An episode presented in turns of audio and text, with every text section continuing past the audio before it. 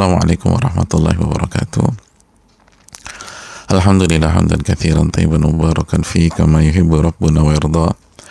Wassalatu wassalamu ala nabiyyina Muhammadin wa ala alihi wa sahbihi wa man sara ala nahjihi bi ihsanin ila yaumidin wa ba'd. Saudaraku yang Allah muliakan, tidak ada kata yang pantas untuk kita ucapkan pada kesempatan pagi hari ini kecuali bersyukur kepada Allah Subhanahu wa taala atas segala nikmat dan karunia Allah berikan dan Allah limpahkan kepada kita nikmat yang begitu banyak dan nggak dan nggak mungkin kita bisa hitung satu demi satu. Wa in ta'uddu ni'matallahi la dan jika kalian ingin menghitung nikmat Allah maka kalian nggak akan bisa menghitungnya. Mulai dari nikmat iman nikmat Islam nikmat hidayah nikmat ilmu pada pagi hari ini dan nikmat-nikmat yang lain. Oleh karena itu bersyukurlah dan terus bersyukurlah kepada Allah Subhanahu wa taala. Sebagaimana kita meminta kepada Allah Subhanahu wa taala agar kita diberikan taufik untuk bisa menghadapi apa pun yang Allah tetapkan sebagai takdir kita dengan penuh uh, penuh ilmu, penuh kesabaran dan tetap berada di siratul mustaqim. Dan semoga Allah Subhanahu wa taala mengangkat seluruh kesulitan, penyakit dan apa pun uh, musibah yang kita hadapi. Amin ya rabbal alamin sebagaimana salawat dan salam semoga senantiasa tercurahkan kepada junjungan kita Nabi kita Muhammadin Sallallahu Alaihi Wasallam beserta para keluarga, para sahabat dan orang-orang yang istiqomah berjalan di bawah naungan sunnah beliau sampai hari kiamat kelak. Saudaraku yang Allah muliakan dalam kondisi yang dihimpit dengan kesulitan demi kesulitan seperti hari-hari ini. Tidak ada jalan lain kecuali kita hadapi dengan penuh ilmu. Tidak ada jalan lain kecuali kita hadapi dengan iman. Sebagaimana ayat yang selalu atau sering kita ulang wa kaifa tasbiru ala ma lam tuhit bihi khubra. Bagaimana anda bisa sabar? Sedangkan anda nggak tahu ilmu dari apa yang anda hadapi. Nggak akan mungkin bisa sabar. Nggak akan bisa bertahan. Dan saudaraku yang Allah muliakan kondisi berputarnya kehidupan kita beberapa waktu yang lalu kita masih nyaman, masih di atas, masih tenang, masih merasa aman. Lalu saat ini ada ketakutan dalam hati kita, ada kesempitan, ada kesulitan, dan bahkan memang ada penyakit. Maka ini semua untuk menguji keimanan kita, menguji optimisme kita dan seterusnya. Allah berfirman dalam surat Ali Imran ayat 140, "Wa tilkal ayyamu nudawiluha bainan nas wa liya'lamallahu amanu." dan hari-hari itu kami putar di tengah-tengah manusia untuk apa? Untuk mengetahui siapa di antara mereka yang beriman kepada Allah Subhanahu wa taala. Untuk membuktikan bukti yang berkaitan dengan reward atau punishment setelah itu. Karena Allah Maha tahu. Tapi sekali lagi harus dibuktikan di hadapan semuanya. Biar manusia pada hari kiamat tidak ada kelit, tidak ada alasan, dan tidak ada justifikasi. Oleh karena itu, saudaraku yang Allah muliakan, marilah kita hadapi ini dengan meminta pertolongan kepada Allah Subhanahu wa taala agar kita bisa melangkah dengan ilmu dan berpijak dengan keimanan. Nah, saudaraku yang Allah muliakan, ketika kita bicara ilmu, ketika kita berbicara tentang ilmu. Maka ilmu juga yang menuntun kita bahwa betapa banyak karya-karya yang mengubah dunia itu lahir dari kesulitan, lahir dari ketidaknyamanan, lahir dari tekanan lahir da dari hidup yang sulit tidak usah jauh-jauh. Coba kita melihat perjalanan Nabi kita Muhammad Sallallahu Alaihi Wasallam. Bagaimana masa kecil beliau? Apakah beliau anak kecil yang penuh dengan kemewahan?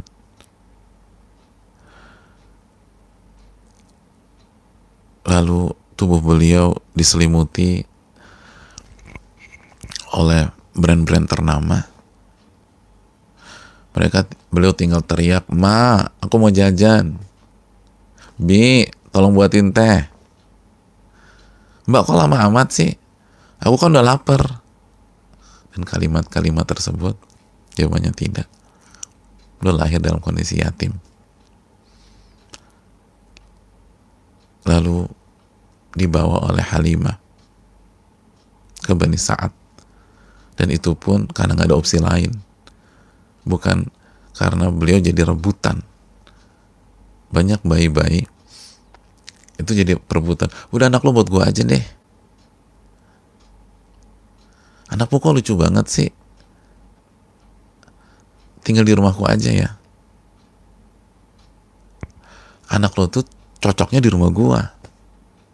Udah lo gak usah khawatir. Gue bikin gemuk nih anak. Udah nanti anak lo gue bikin montok dan seterusnya. Apakah seperti itu? Enggak. Opsi terakhir ketika seluruh anak sudah dipilih untuk disusui di Bani Sa'ad, Nabi SAW tidak ada yang memilih. Karena dianggap anak yatim. Tidak prospek dan seterusnya. Gak punya uang.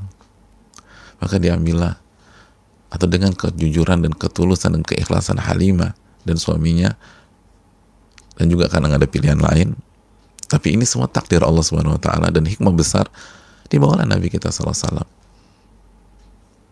jauh dari hiruk pikuk kota besar yang bernama Mekah. Lalu terus kita tahu sejarah beliau alaihi salatu wassalam. Beliau hidup dengan kesederhanaan di Bani Sa'ad. Lalu kembali lagi ke kota Mekah. Lalu ibu beliau meninggal. Aminah Lalu singkat cerita terus jadi pengembala kambing. Lalu bagaimana Nabi kita SAW di awal-awal beliau dapat wahyu, dicela, dicaci, dan dimaki. Dan akhirnya ajaran beliau merubah dunia. Sunnah beliau benar-benar merubah wajah dunia menjadi lebih humanis, menjadi lebih bermartabat, menjadi lebih baik, menjadi lebih indah dan tinggi kualitasnya.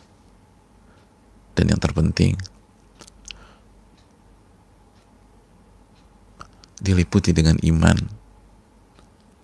ketakwaan, tauhid, sehingga orang-orang beribadah hanya kepada Allah Subhanahu wa taala. Itu sebagai contoh sederhana dan kita punya contoh itu komplit dalam diri Nabi Shallallahu Alaihi Wasallam dan masih banyak lagi contoh-contoh seperti itu yang membuat kita optimis, yakin, dan berusaha bangkit dan tidak berpangku tangan dalam kondisi seperti ini dan harus terus belajar, belajar, belajar dan belajar. Belajar tentang ilmu akhirat. Lalu setelah itu belajar tentang ilmu dunia yang bisa menjadi jembatan kita menuju akhirat. Karena sekali lagi dengan perubahan drastis pada hari-hari ini ini menyadarkan kita bahwa dunia nggak selama-lamanya. Dunia semu. Mayoritas kita nggak berpikir kondisi kita bisa seperti ini di bulan April misalnya. Udah banyak yang di PHK, dirumahkan, ditutup. Sudah banyak yang gulung tikar. Siapa menduga ini di bulan Januari, Februari tersebut?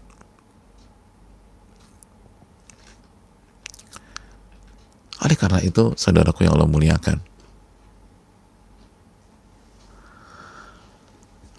karena kita harus belajar, karena kita ingin kita banyak ibrah di masa-masa sulit seperti ini. Kita banyak dapat ilmu di masa-masa sulit seperti ini. Waktu kita, yang kalau kondisi normal, atau waktu saat kita masih bekerja, itu sibuk dengan urusan duniawi, duniawi, duniawi, duniawi. Sekarang kita bisa bernafas dalam tanda kutip, lalu meluangkan waktu untuk belajar agama, belajar, belajar, belajar ilmu agama, belajar iman kita, belajar ketakwaan kita, lalu kita pelajari, kita asas skill kita untuk hari esok yang lebih jauh. Insya Allah Ta'ala, jika Allah berikan umur kepada kita.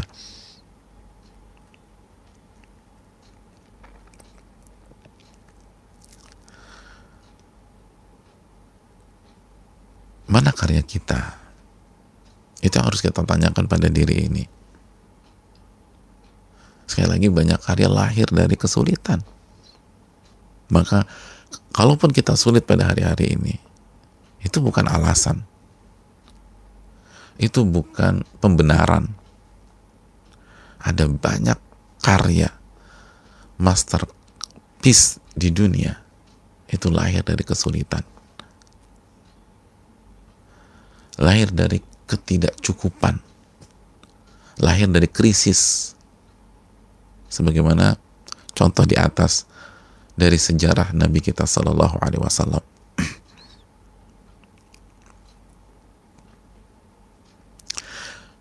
Di antara karya yang merubah dunia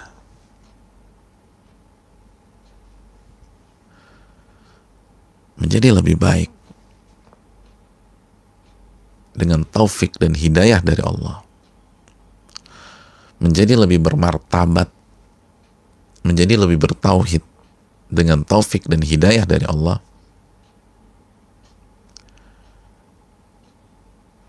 Dan menariknya karya ini bukan hanya bisa kita kagumi bukan hanya bisa kita lihat dari jauh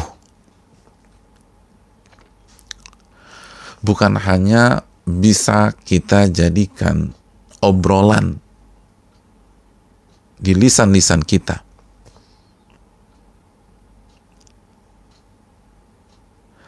Tapi lebih dari itu, karya ini bisa kita pelajari.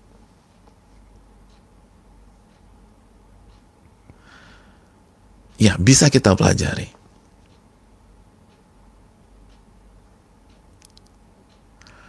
Sehingga keberkahannya sampai ke diri kita.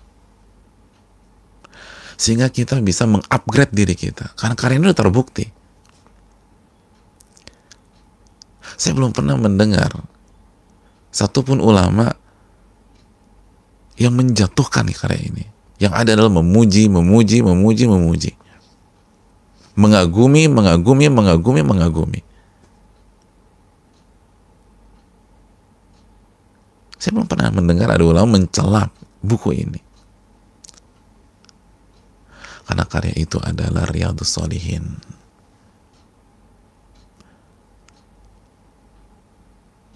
Yang ditulis oleh Al-Imam An-Nawawi.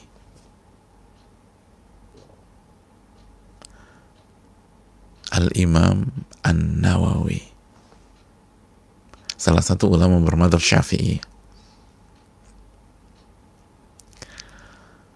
Ini karya fenomenal.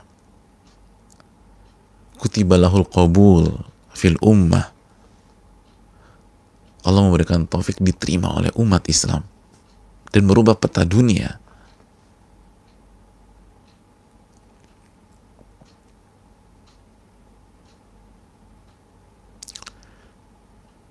Ini kan salah satu karya beliau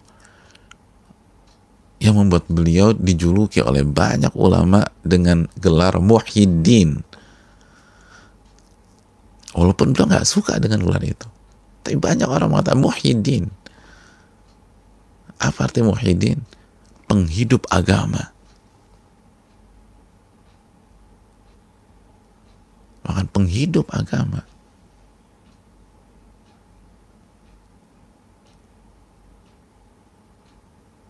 seakan-akan dengan agama ini mati suri lalu dihidupkan lagi oleh karya-karya beliau. Khususnya di antaranya Riyadus Solihin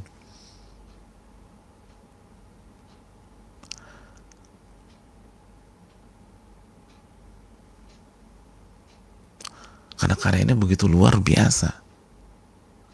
Dengan izin Allah begitu spektakuler.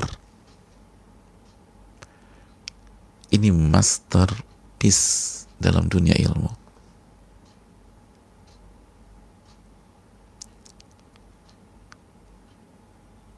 Dan menariknya lagi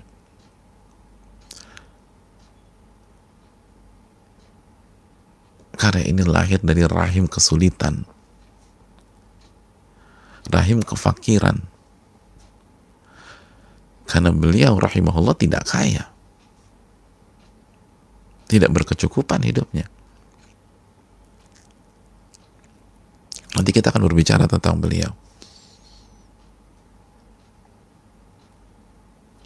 Rahimahullah. Biiznillahi ta'ala. Insyaallah.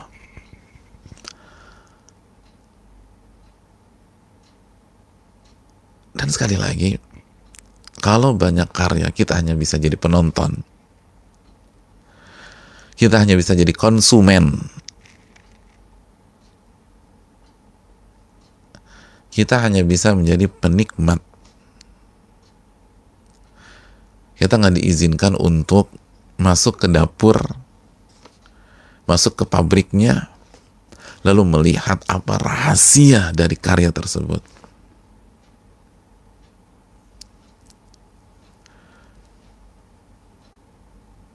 aku boleh masuk ke dapur kamu nggak? Aduh mohon maaf. Rahasia.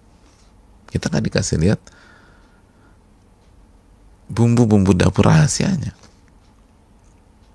Nggak boleh mas. Udah kamu pesan apa aku buatin makanannya. Tapi nggak boleh masuk dapur.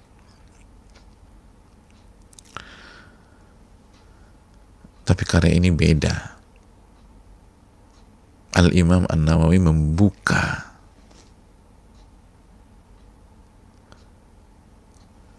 bahkan mulai dari muqaddimah atau kata pengantarnya beliau jelaskan. Dan itu salah satu kuncian kenapa beliau bisa membuat karya yang begitu luar biasa ini.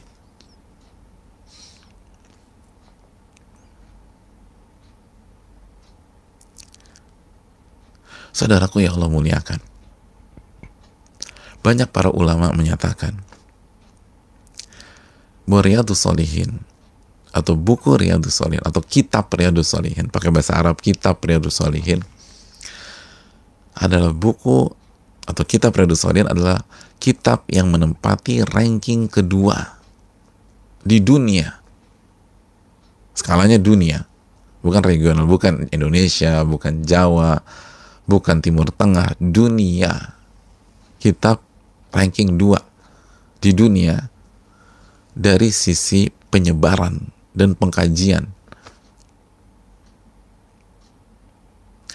Jadi kitab ini yang paling tersebar kedua sedunia, yang paling banyak dikaji oleh umat Islam kedua di dunia.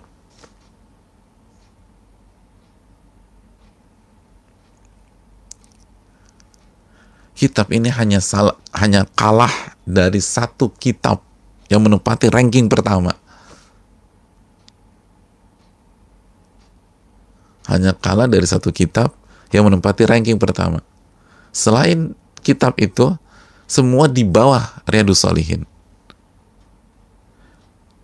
Penyebarannya dan pengkajiannya tidak semasif, tidak seluas Riyadus Solihin. Kitab Riyadus Solihin hanya kalah dari satu kitab ranking satu. Kitab apa, saudaraku? Hmm? Sahih Bukhari? Bukan. Sahih Muslim? Bukan.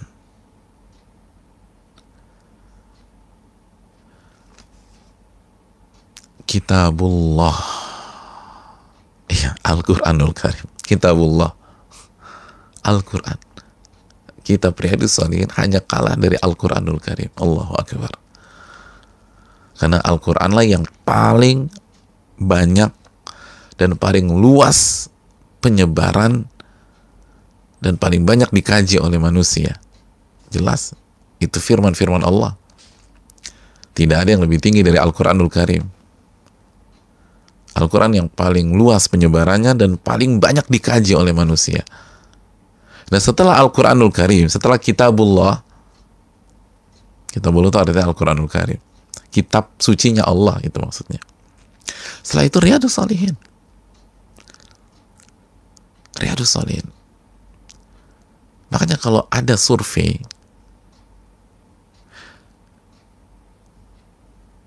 buku agama apa yang paling tersebar dan dimiliki oleh umat Islam di rumah mereka. Baik yang punya perpustakaan baik yang nggak punya perpustakaan tapi punya satu dua buku agama deh. Maka survei membuktikan setelah Al-Quran yang paling banyak tersebar di rumah-rumah umat Islam Riyadus Salihin Riyadus Salihin.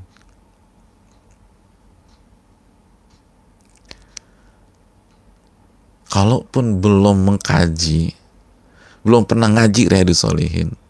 Kalau udah kalau dan sebanyak yang udah ngaji tapi belum selesai, belum tamat, terus kayaknya berhenti, misalnya kendala di ustadznya atau misal ustadznya meninggal rahimahullah atau kita yang punya kendala kita harus pindah kota kita harus pergi ke tempat lain. Tapi paling nggak dia punya tuh Riyadus Salihin punya Riyadus Salihin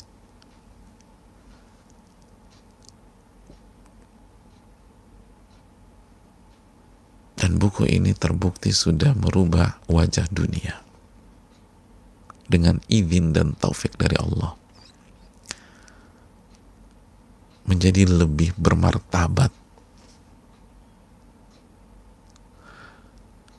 lebih berakhlak,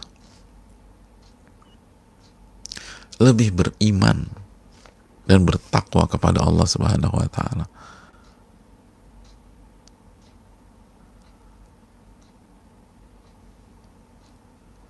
Ini harus menginspirasi kita, saudaraku. bahwa dengan izin Allah, dengan taufik dari Allah, apa yang tidak bisa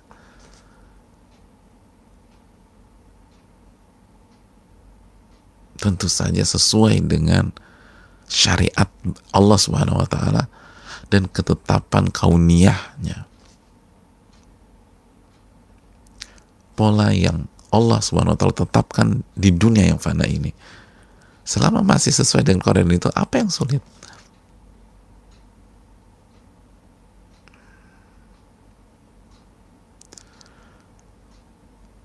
Tinggal kita ikuti kunci orang-orang sukses sebelum kita. Dan kita pelajari salah satunya karya ini.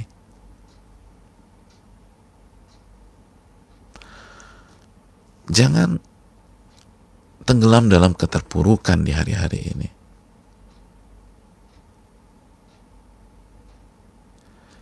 Kita harus bangkit dengan minta pertolongan kepada Allah, dengan kembali kepada Allah. Dan salah satu cara bangkit belajar. Ambil ilmu sebanyak-banyaknya di hari-hari ini.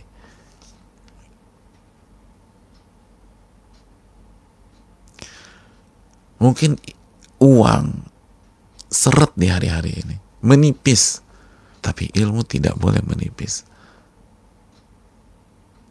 ada seribu satu alasan untuk mengatakan kita nggak punya uang di hari-hari ini. Uang kita menipis di hari-hari ini. Kita nggak mampu beli beras di hari-hari ini. Dan alasan kita akan diterima. Tapi tidak ada alasan yang bisa kita gunakan di hadapan Allah nanti hari kiamat. Kalau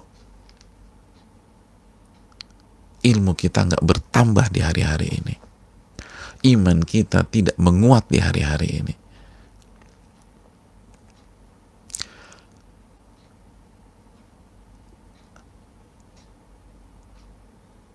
Karena ketika Allah sulitkan rizki yang berupa uang, harta, makanan, kerjaan, orderan di hari-hari ini Allah buka rizki yang berupa ilmu, iman, pengalaman, dan lain sebagainya. Fa inna ma'al usri yusra. Sesungguhnya dalam satu kesulitan ada banyak kemudahan. Ada banyak kemudahan. Ini kesempatan belajar.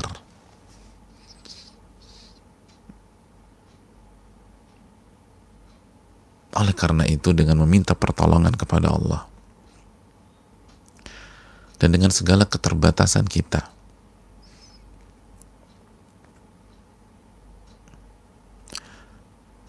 Mulai pagi ini dan pagi di hari esok, lusa, dan seterusnya insya Allah ta'ala kita akan mempelajari Riyadus Salihin dengan segala keterbatasan dan segala kekurangan kita dan hanya Allah yang memberikan taufik dan pertolongan untuk hal ini dan ini jika Allah memberikan umur bagi kita dan kesempatan bagi kita.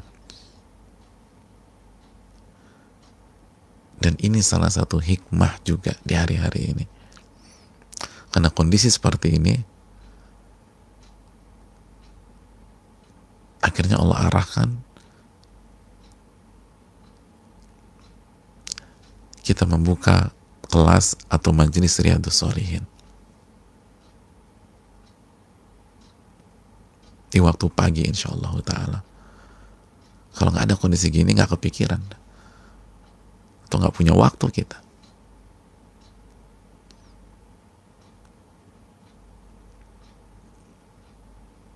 Oleh karena itu ini yang perlu kita camkan ada banyak tanggung jawab yang mungkin nggak bisa yang membuat kita nggak bisa belajar ini.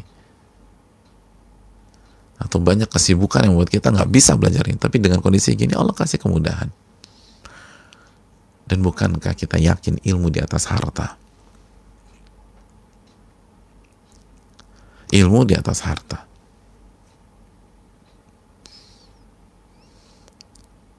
Hidayah di atas harta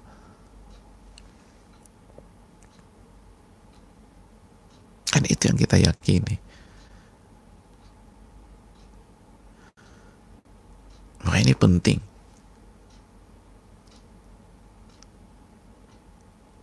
Ini harus ditekankan. Allah berfirman, "Qul bi fadlillah wa bi rahmatihi fabidzalika falyafrahu huwa khairum mimma yajma'un." Ayat dalam surat Yunus ini Qul bifadlillah. Katakan wahai Muhammad kepada mereka. Hendaknya mereka bergembira dengan karunia dan rahmat dari Allah Subhanahu wa taala. Disuruh gembira. Kenapa? Karena dapat karunia dan dapat rahmat Allah Subhanahu wa taala. Apa tafsir karunia dan rahmat? Uang? Bukan. Harta? Bukan. Pekerjaan bukan. Silakan cek buku-buku tafsir klasik. Yang dimaksud adalah iman dan Al-Quranul Karim. Hendaknya kalian bergembira ketika mendapatkan iman dan Al-Quran. Kenapa? Karena iman dan Al-Quran itu lebih baik, lebih mahal, lebih tinggi daripada harta dunia yang mereka kumpulkan. Harta dunia mereka kumpulkan. Surat Yunus ayat 58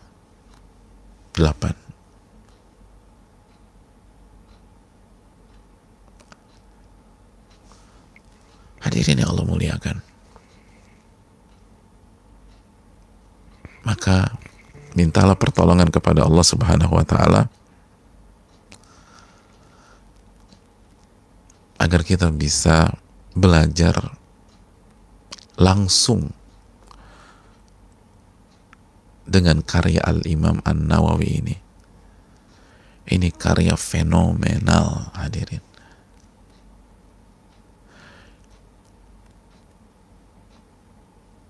dan dengan itu kita mengikuti jalannya para ulama karena kita bukan siapa-siapa ulama dari zaman ke zaman saat mereka mendidik umat mendidik masyarakat salah satu senjata mereka untuk mendidik masyarakat adalah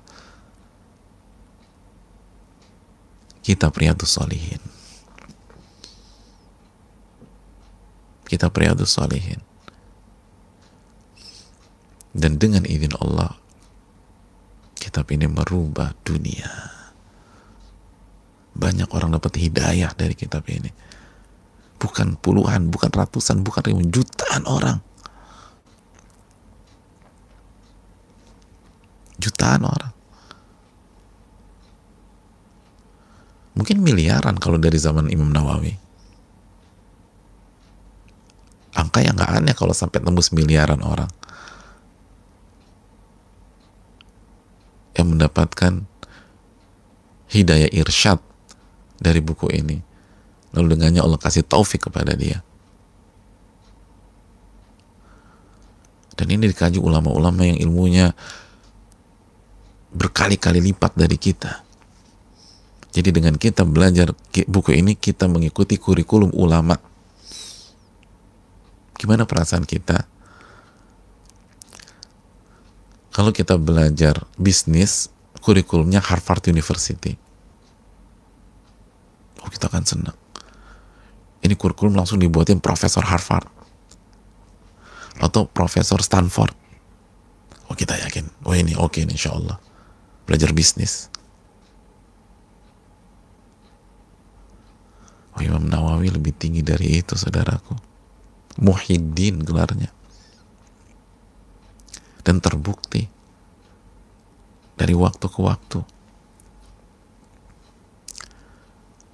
dari generasi ke generasi. Ini karya fenomenal. Dengan izin Allah Subhanahu wa taala. Dan sudah digunakan para ulama-ulama.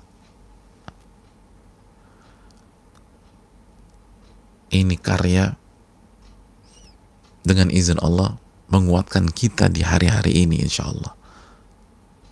Mensupport kita dalam bertahan di hari-hari ini insya Allah memberikan kita keberkahan. Hanya Allah memberikan kita keberkahan. Dengan kita belajar ayat-ayat dan hadis-hadis yang ada di buku ini. Allah akan kasih kita keberkahan.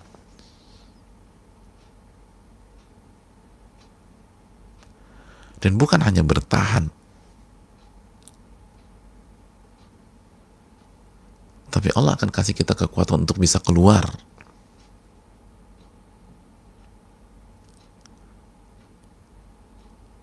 dan bukan hanya bisa keluar membangun kehidupan yang lebih baik lagi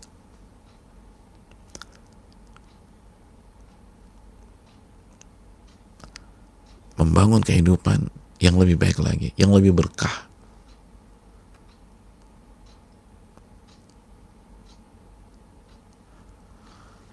Soleh, yang lebih bertakwa.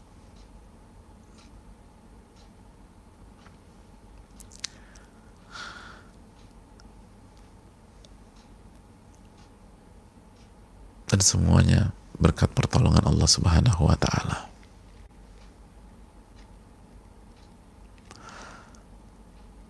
Oleh karena itu,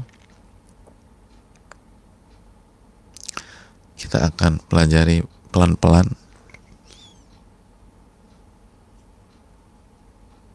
Dengan meminta pertolongan dan taufik dari Allah Subhanahu wa taala.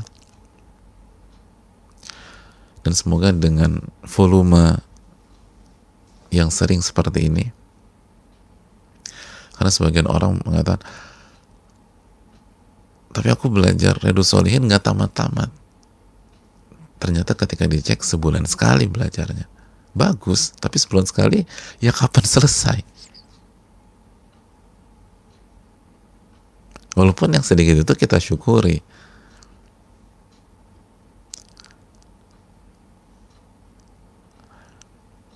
Nah semoga dengan kondisi seperti ini kita bisa belajar dan menyelami karya Al-Imam Nawawi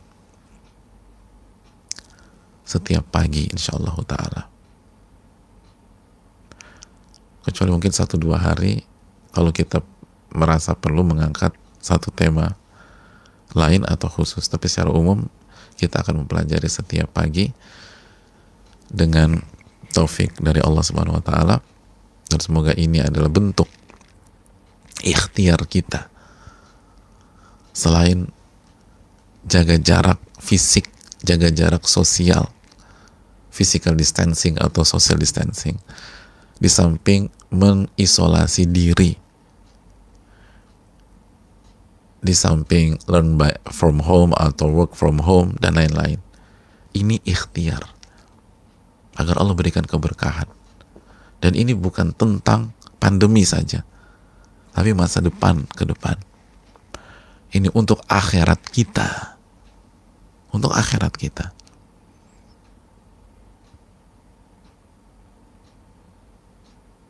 dan ini penting saudaraku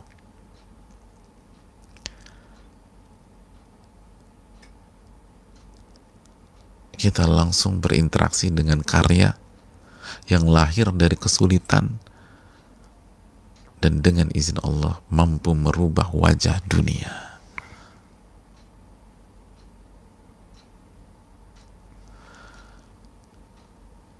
resepnya Imam Nawawi sampaikan dan berikan di kitab ini. Semoga kita bisa belajar resep-resep itu. Dan hanya Allah yang memberikan taufik dan ilmu yang bermanfaat. Dan semoga kita bisa amalkan. Ini yang bisa disampaikan. Terima kasih banyak. Insya Allah kita bertemu uh, nanti sore insya Allah tapi khusus Redu Solihin ini akan menjadi menu pagi kita. Jadi semoga kalau menu pagi kita Redu Solihin Allah memberikan taufik dan pertolongan di hari-hari tersebut. Semoga bermanfaat. Aku qouli hadza wa astaghfirullakum subhanaka la ilaha illa anta astaghfiruka wa atubu Assalamualaikum warahmatullahi wabarakatuh.